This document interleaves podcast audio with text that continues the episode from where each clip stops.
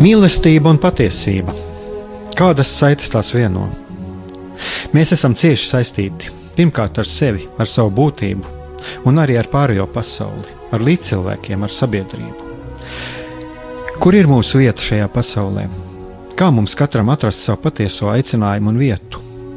Kā sasniegt savas dzīves piepildījumu, mīlestību?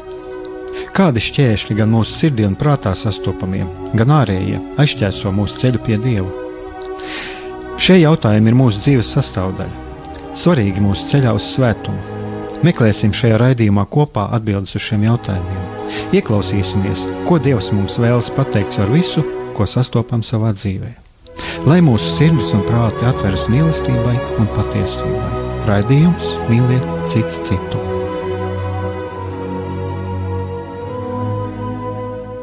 Esiet sveicināti, darbie radioklausītāji! Šis ir raidījums Mīliet cits citu, un studijā esmu es Aigārs Brikmanis, un e, šodienas temats e, mums ir paredzēts 15. mājas, un e, vispār arī Kārļa Ulmaņa loma vēsturē, Latvijas vēsturē, un arī kādu, kādas pēdas ir atstājusi Kārla Ulmaņa darbība mūsu tautas apziņā. Eh, diemžēl ir iznākusi mums tehniska kļūme, un pagaidām, cik es saprotu, nav izdevies vēl sazvanīt vēsturnieku Denisu Hanovu, un mums bija paredzēts arī vēsturnieks Ines Feldmanis, kurš uh, paziņoja šodien, ka viņš diemžēl nevar ierasties, un man ir cerība, ka viņam, nu, varbūt viņam izdosies ierasties kaut kad pie mums, varbūt nākamajā nedēļā. Un uh, man šeit priekšā ir grāmata, kas saucās 15. maija Latvija, pie kuras izdevniecības, tā ir izdevniecība Latvijas mēdī, kur tieši ir vad, vadījis vēsturnieks Inesis Feldmanis. Un uh, jau par šo jautājumu runāt es vēlējos uh, Pateicoties diviem notikumiem, tas ir 28. septembris Žaņa Lipkes memoriāls, kur uzstājās ar savu lekciju Denis Hanovs, un lekcija saucās Dekonstruējot Ulmani, pļaujas vairotājs un vētru pavēlnieks. Un tad, nu, pirms nepilnas nedēļas, 19. oktobris, Latvijas kara muzejs, un tieši Latvijas kara muzejā arī tika svinēta šīs grāmatas 15. māja Latvija atvēršana.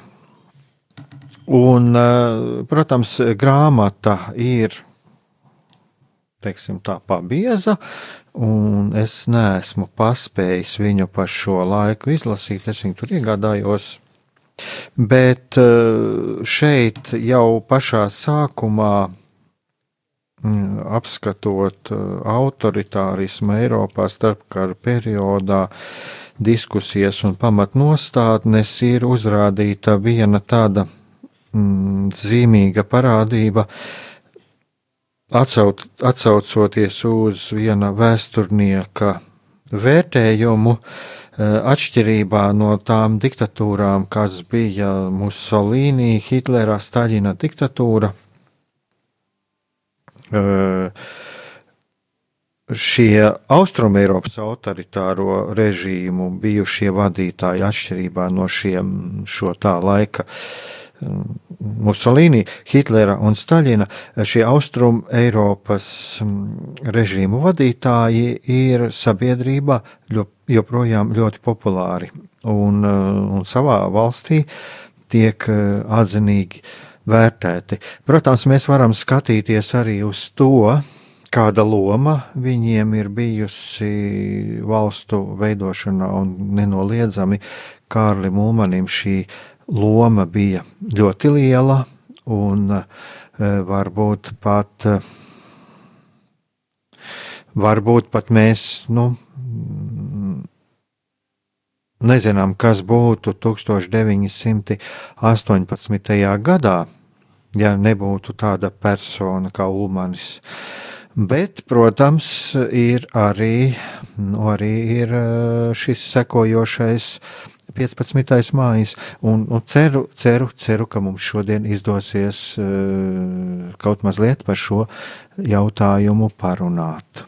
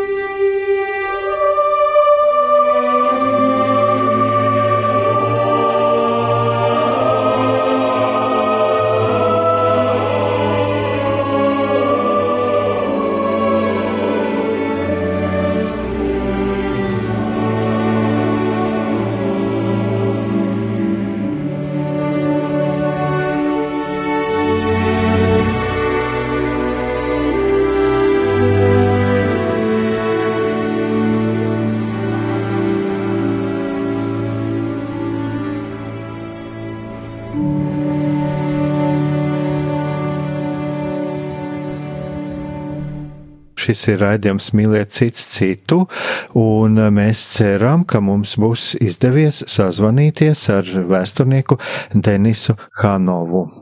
Halo? Jūs esat ēterā. Jā, sveicināti. Jā, nu... Es gan esmu kultūra pētnieks, bet jā, vēsture ir viens no tematiem, ko es cenšos arī iztenot savus projektus un pētnieciskā darbība. Es kaut kur esmu arī kā pamanījis kā kultūras vēsturnieku. Es domāju, ka tā ir drīzāk žurnālisti improvizācija, paliekam varbūt, nu jā, vienalga. Jā, bet nu, darīšana ir ar vēsturi. Es esmu Jā. arī YouTube klausījies jūsu lekcijas, un es biju arī Žāņa Lipkas memoriālā, un tāpēc es arī tā, mm, nu, tāpēc es arī tā Mm, sajūtu. Bija paredzēts arī šodien, kā jau es minēju, bija paredzēts arī vēsturnieks Inesis Feldmanis. Inesis Feldmanis šodien netika.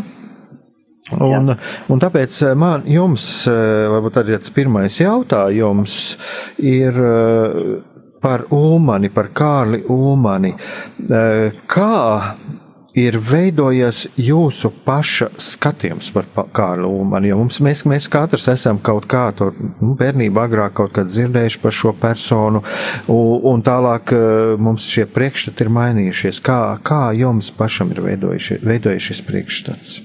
Bija dažādi posmi un dažādas fāzes. Eh, protams, eh, tā kā manā bērnībā un agrina jaunība vēl bija padomju laika paša beigas, tad es vēl pagavu kādā trešajā vai ceturtajā klase vēl noklausīties, tā teikt, padomju versiju par Latvijas vēsturi un, protams, arī par Ulmaņā uh, laiku, uh, kurā tātad šajā tekstē viņš bija pieteikts kā tātad uh, diktators, bet, uh, protams, ar tādu klišejisko frāzi, tātad kā fašistiskais režīms, kas apspieda stradniekus un zemniekus, un tātad stradnieki un zemnieki, tātad laimīgi visu bija, tā teikt, uh, apkarojuši un parvarējuši, un tad pievienojušies padomju savienībai un tā tālāk. Tā kā mēs zinām, ka šī falsificēta vēstures versija joprojām kaut kur klīst un laiku pa laikam tiek aktualizēta politika. Bet, nu, tagad, kad, tā teikt, būdams kultūra pētnieks, mani ieinteresēja tātad nedemokrātiskie režīmi, tādā salīdzinošā analīze, proti, kā šie režīmi veidojas dažādas Eiropas valstis, gan rietumos, gan austrum Eiropā, un es konstatēju vairākas līdzīgas jau no Musolīni režīma, tātad Itālija 20. gadu sākums, un tāda īstenībā nacistiska Vācija, tāda režīmi Austrum Eiropā, un īstenībā skaidrs, ka starpkaru laikā sabiedrību nedrošība, bailes, un visas traumas, kas bija pēc Pirmā pasaules karā, ļāva daudziem meklēt kļūdaini, meklēt stabilitātu un drošību, teikt, stingrai režīma vai stingrai rokā. Uh, un vadoņi, vienalga kā viņu sauktu un kura valodā, apmuļķoja sabiedrības piedāvājot viņiem šķietamas, tādas šķietamas ātrus risinājumus, un tad es mēģināju pievērsties arī Ulmaņa režīmam, kas no vienas puses ir daļa no tā laika Eiropas diktatūru tradīcijas ar visiem vadoņu kultiem, ceremoniāliem svētkiem, publiskiem notikumiem, teiksim, kaut kur zem klājiem debesim un slavinājuma runām vadoņiem, un otras puses tas ir kaut kāds īpaši Baltijas, tā teikt, Baltijas versija, un Ulmanis īstenībā vismaz tā viņu devēja Hanārente bija tāds vecmo, kā, kā viņa teica, vecmodīgais režims, proti nebija izteikti vārdarbīgs. Kaut arī nesen profesora Strengas grāmata jau parāda to, kā uz, tā teikt, režīma norietu, tātad īsi pirms padomju okupācijas, jau bija doma par nometnēm, un tā tā, ka režīms arī sāka kļūt agresīvāks. Mums ir tāds priekšstats, ka tie tādi zelta laiki zemniekiem, un tā tāda eksports un pārējais.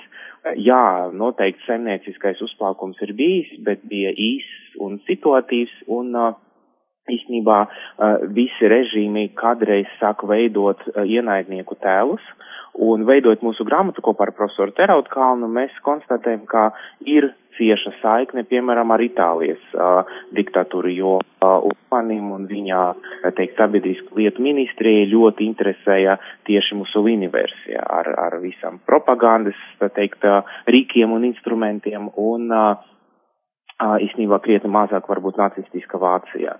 Bet uh, mēs arī zinām, ka Ulmanis ir bijis uh, simbols un joprojām paliek simbols arī, tā teikt, uh, valsts uh, pirmajai valdībai, kā pirmais premjers. Uh, un nu, šeit arī ir tas īpaši Baltijas versija, ka no vienas puses viņš ir pirmais premjeras demokrātiskajā valstī, un otrs puses viņš arī tas, kas demokrātisko režīmu arī ir apturējis, ja?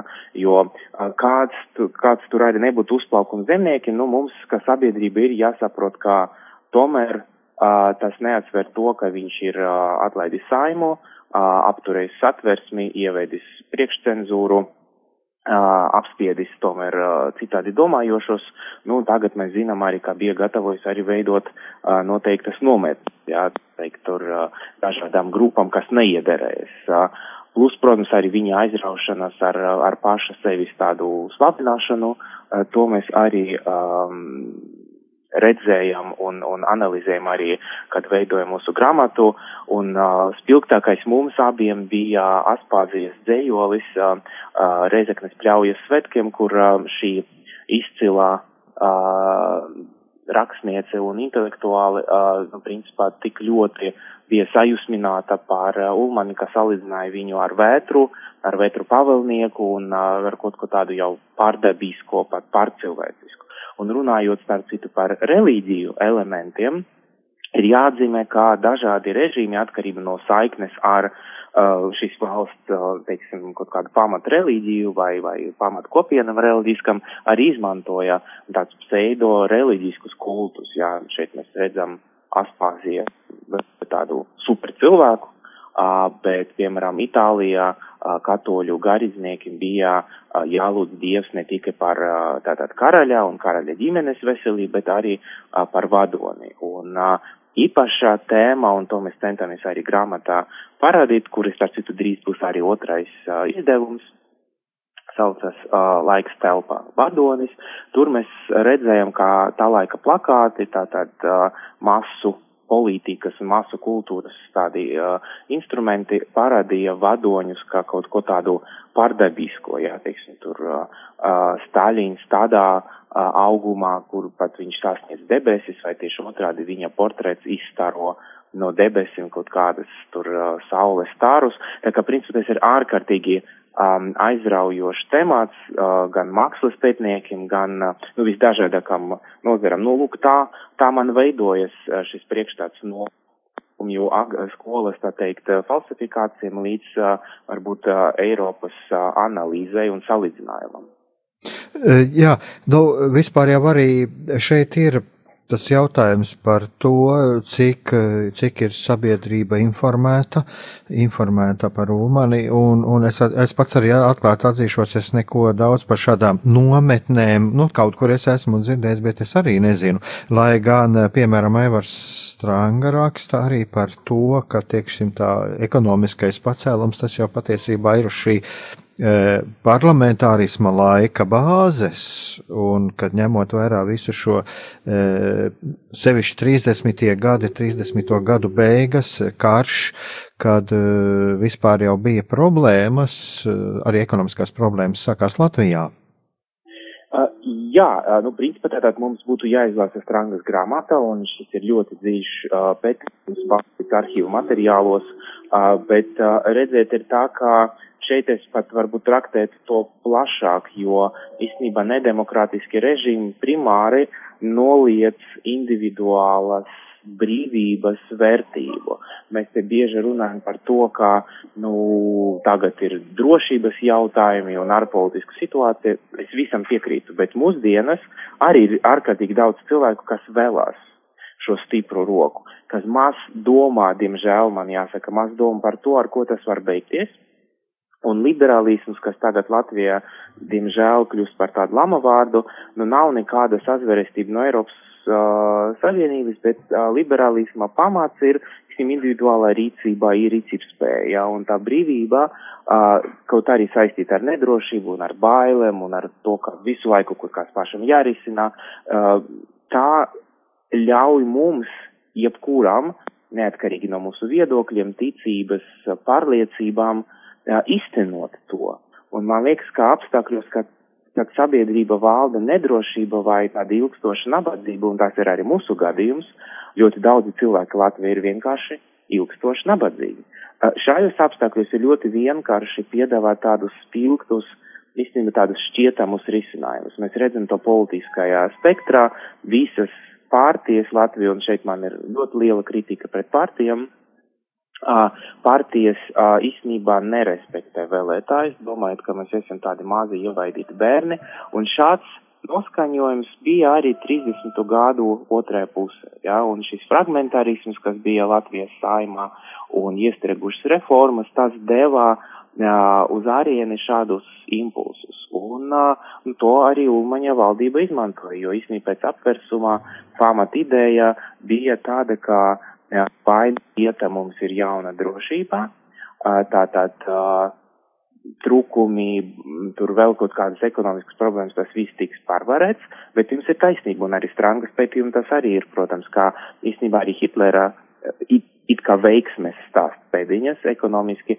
bija jau gandrīz pārvarētas krīzes uh, rezultāts, jo 30. gadu otrā pusē Eiropas un īstenībā globāla ekonomika jau lēnām sāka at, uh, teikt, atkopties un atveseļoties. Bet, uh, nu, mēs redzam arī, paskatēties, teiksim, labai radikālo partiju piedāvājumus Eiropā. Populisms tīrā veidā netiek stāstīts, kā tiks risināts, tiek apsolīts tas, kas ļoti gaidīts. Un, kā mēs zinām, šādu brīnumu nav, un māksla par tādiem šķietamiem brīnumiem ir cilvēku dzīvība, jā, konflikti, naids, jo radikalisms vienmēr meklēs šo ienaidnieku tēlu.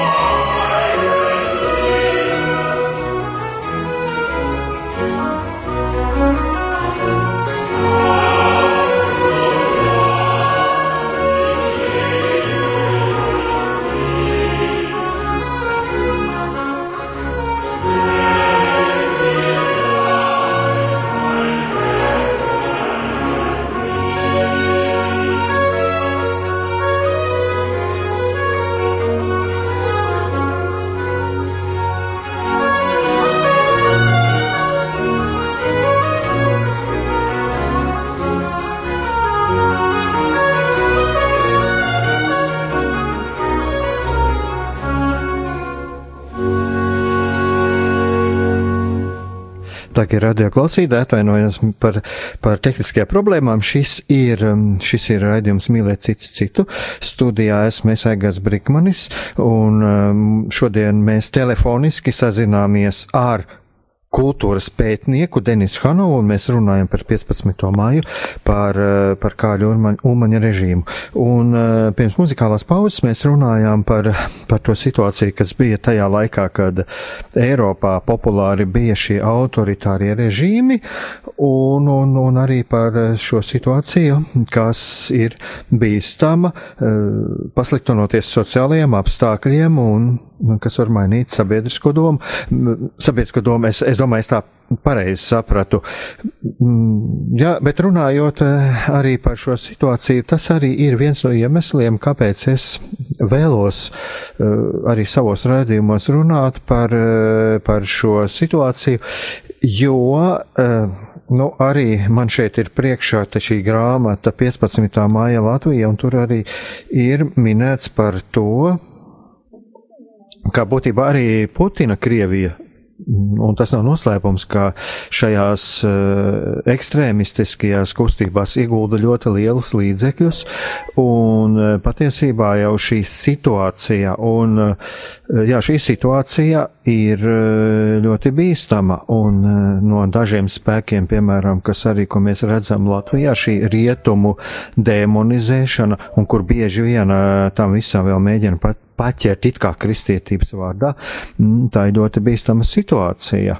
Un tieši tāpēc es arī mm, nu, e, vēlos, lai par šīm lietām tiktu runāts.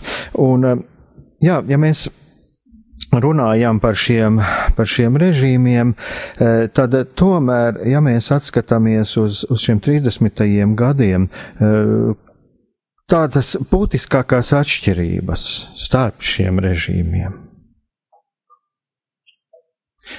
Jautājums, jautājums ir tieši jums tagad. Halo! Es atvainojos, ir mums laikam atkal kaut kāda problēma ar sakariem.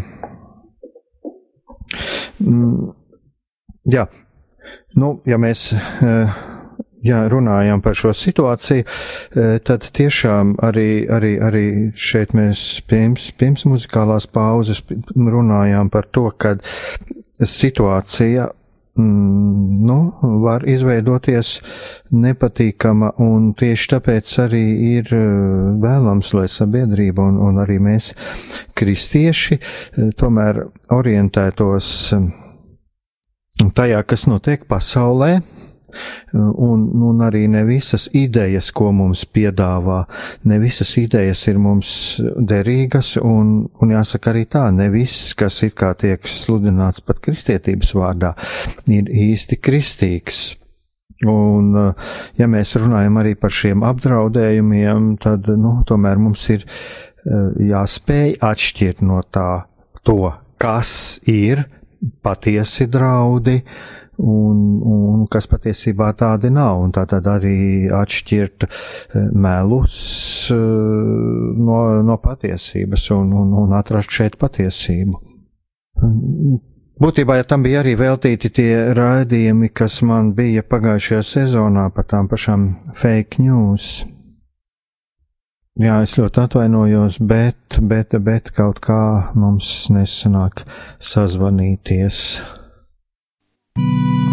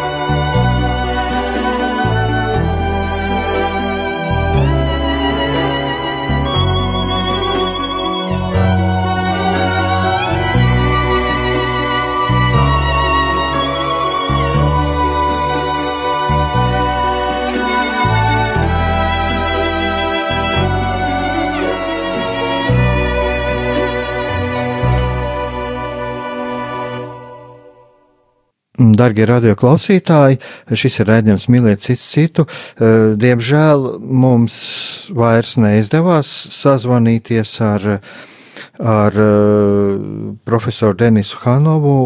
Nu, tā tas, nu, diemžēl ir, ka rodās tehniskas dabas problēmas, un, un kaut kas tur nebija kārtībā ar telefonu. Bet, eh, nu, ceram, ka mums, jā, ceram, ka mums izdosies Varbūt kādreiz tikties, varbūt pat nākamajā nedēļā. Un jāsaka tā, ka šī ir arī tāda īsta pazemības skola, jo nevienmēr arī šeit mums izdodas tas, kas ir iecerēts. Un es tikai mazliet vēlētos noslēgumā pateikt arī par to, par ko mēs sākām runāt, runāt par šiem režīmiem, protams, tādā sasteigumā un šādu tehnisku problēmu. Problēmu laikā radās tādas sasteigtības, sasteigt, sasteigtības izjūtas, bet kas ir tas būtiskākais, ko es jau pieminēju, tas ir, kāpēc, kāpēc eh, es arī pievērsos šim, šim ulmaņa laikmetam un šim laikam, kas bija 30. gados, Un tāpēc, ka, kā jau es teicu, ir tomēr svarīgi, lai mums būtu kādas izpratne par to, izpratne par to, kas notiek pasaulē, izpratne par to galu galā, kā pie mums nonāk ziņas, un, un izpratne arī par to, nu, protams, kas arī ir mūsu sabiedrībā notiek. Un cik tas ir ļoti svarīgi, lai mūsu šis sirds un prāta līdzsvars, lai viņš tiktu saglabāts, lai būtu arī šis mūsu ticības un prāta līdzsvars, jo, jo mūsu ticībai ir jābūt savienotai ar šo racionālo prātu, ar spēju vērtēt. Un tāpēc pirms izdarīt kādu soli, pirms kaut ko darīt, pirms kaut ko darīt arī sabiedriskai labā, sevišķi tas, kas saistīts ar politiku, vienmēr paskatīties, kas aiz tā stāv, kas stāv aiz kāda politiskā lozunga. Kaut viņš būtu kristīgs, kaut viņš būtu cik patriotisks, vienmēr saprast, kas aiz tā stāv. Un viena no tādām bīstamībām arī var būt, kad nāk kaut kāda sīki, nelieli, margināli grupējumi, kaut kādas partijas ar, ar, ar ļoti radikāliem lozungiem, kas, nu, pirms kāda laika, protams, uh, iztaisīja tādu lielāku troksni. Atcerēsimies kaut vai to pašu, kā tika cilāts šis pats bēdīgs slavenais homoseksuāļu jautājums, bet uh, būsim uzmanīgi, būsim uzmanīgi. Un tas ir tas, par ko, kāpēc es arī šo 15. maija jautājumu gribu pacelt, jo e, profesors Inesis Feldmanis raksta arī to, kad e, Jā, un, un, un vairāk par to runā, ka šī ideja, kas pacēla latviešu nacionālo pašapziņu un kas palīdzēja izdzīvot, izdzīvot šos smagos okupācijas gadus, bet tā pašā laikā arī ir jāatcerās to, kad sekoja šī smagā, traģiskā okupācija. Un, protams, eh, nav jau vēl pētījumi īsti, cik 15. mājas to ietekmē, tā, bet kaut vai atcerēsimies Somiju, kaut vai atcerēsimies to pašu Somiju, kurā, kurā bija parlaments un kur saglabāja savu valstiskumu. Un mums ir tik daudz par šiem jautājumiem, es domāju, ka mēs par šiem jautājumiem varam ļoti, ļoti daudz runāt. Un uh, katrā ziņā vienā raidījumā nepietiek uh, laika, lai to visu iz, izrunātu. Bet uh, pats galvenais, ko, uz ko es arī vēlos aicināt, tas ir domāt. Un, un tad es atceros, ko es kādreiz arī jau pirms vairāk kā desmit gadiem runāju. Kad es runāju cilvēkiem, es vienmēr viņiem atgādināju tā, ieklausieties manos vārdos bet automātiski nenoticiet, izlaidiet savu, savu saprātu un izlaidiet savu, savu sirdi, izlaidiet savu, savu sirdsapziņu. Citādāk nāks cita lakstīgala, kas dziedās daļāk, un jūs aizskriesiet viņiem līdzi. Ne jau aiz skaistiem vārdiem un solījumiem ir patiesība un brīvība, bet brīvība ir mūsu pašu sirdīs un prātos. Cik daudz mēs spējam izvērtēt to, kas notiek? Cik daudz mēs uh, spējam kontrolēt savas jūtas, un cik daudz mēs spējam kritiski izvērtēt to, kā mēs redzam pasauli. Cik, jo, jo mēs būsim spējīgāki tieši pieiet arī, arī caur šo kritisko skatījumu uz sevi un uz to, kas ir apkārt, jo mēs būsim brīvāki. Jūs atzīsiet patiesību, patiesība darīs jūs brīvus. Vienmēr atcerieties arī šos Jēzus teiktos vārdus.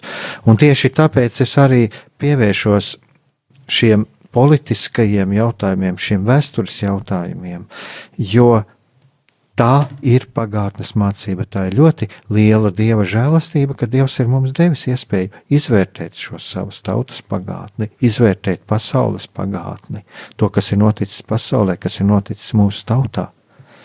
Jo no pagātnes mēs varam arī daudz mācīties. Un tāpēc, tāpēc vienmēr būsim modri, vienmēr būsim modri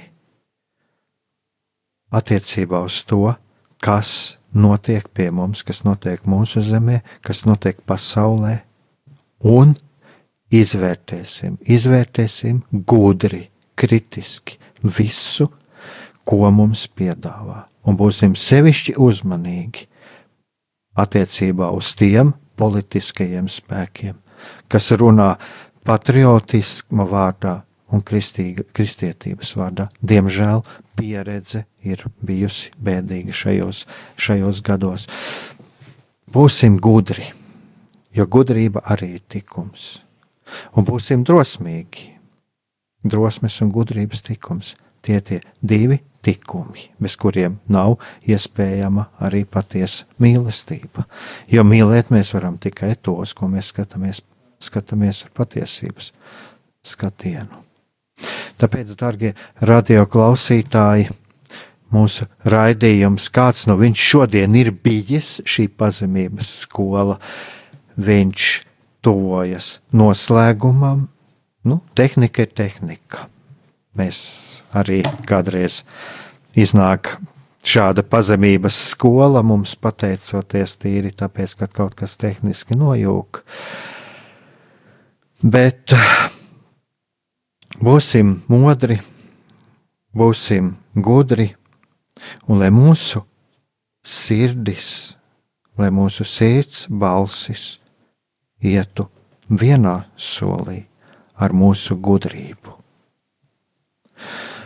lai mūs visus pavada Dieva žēlastība uz sadzirdēšanos nākamajā reizē.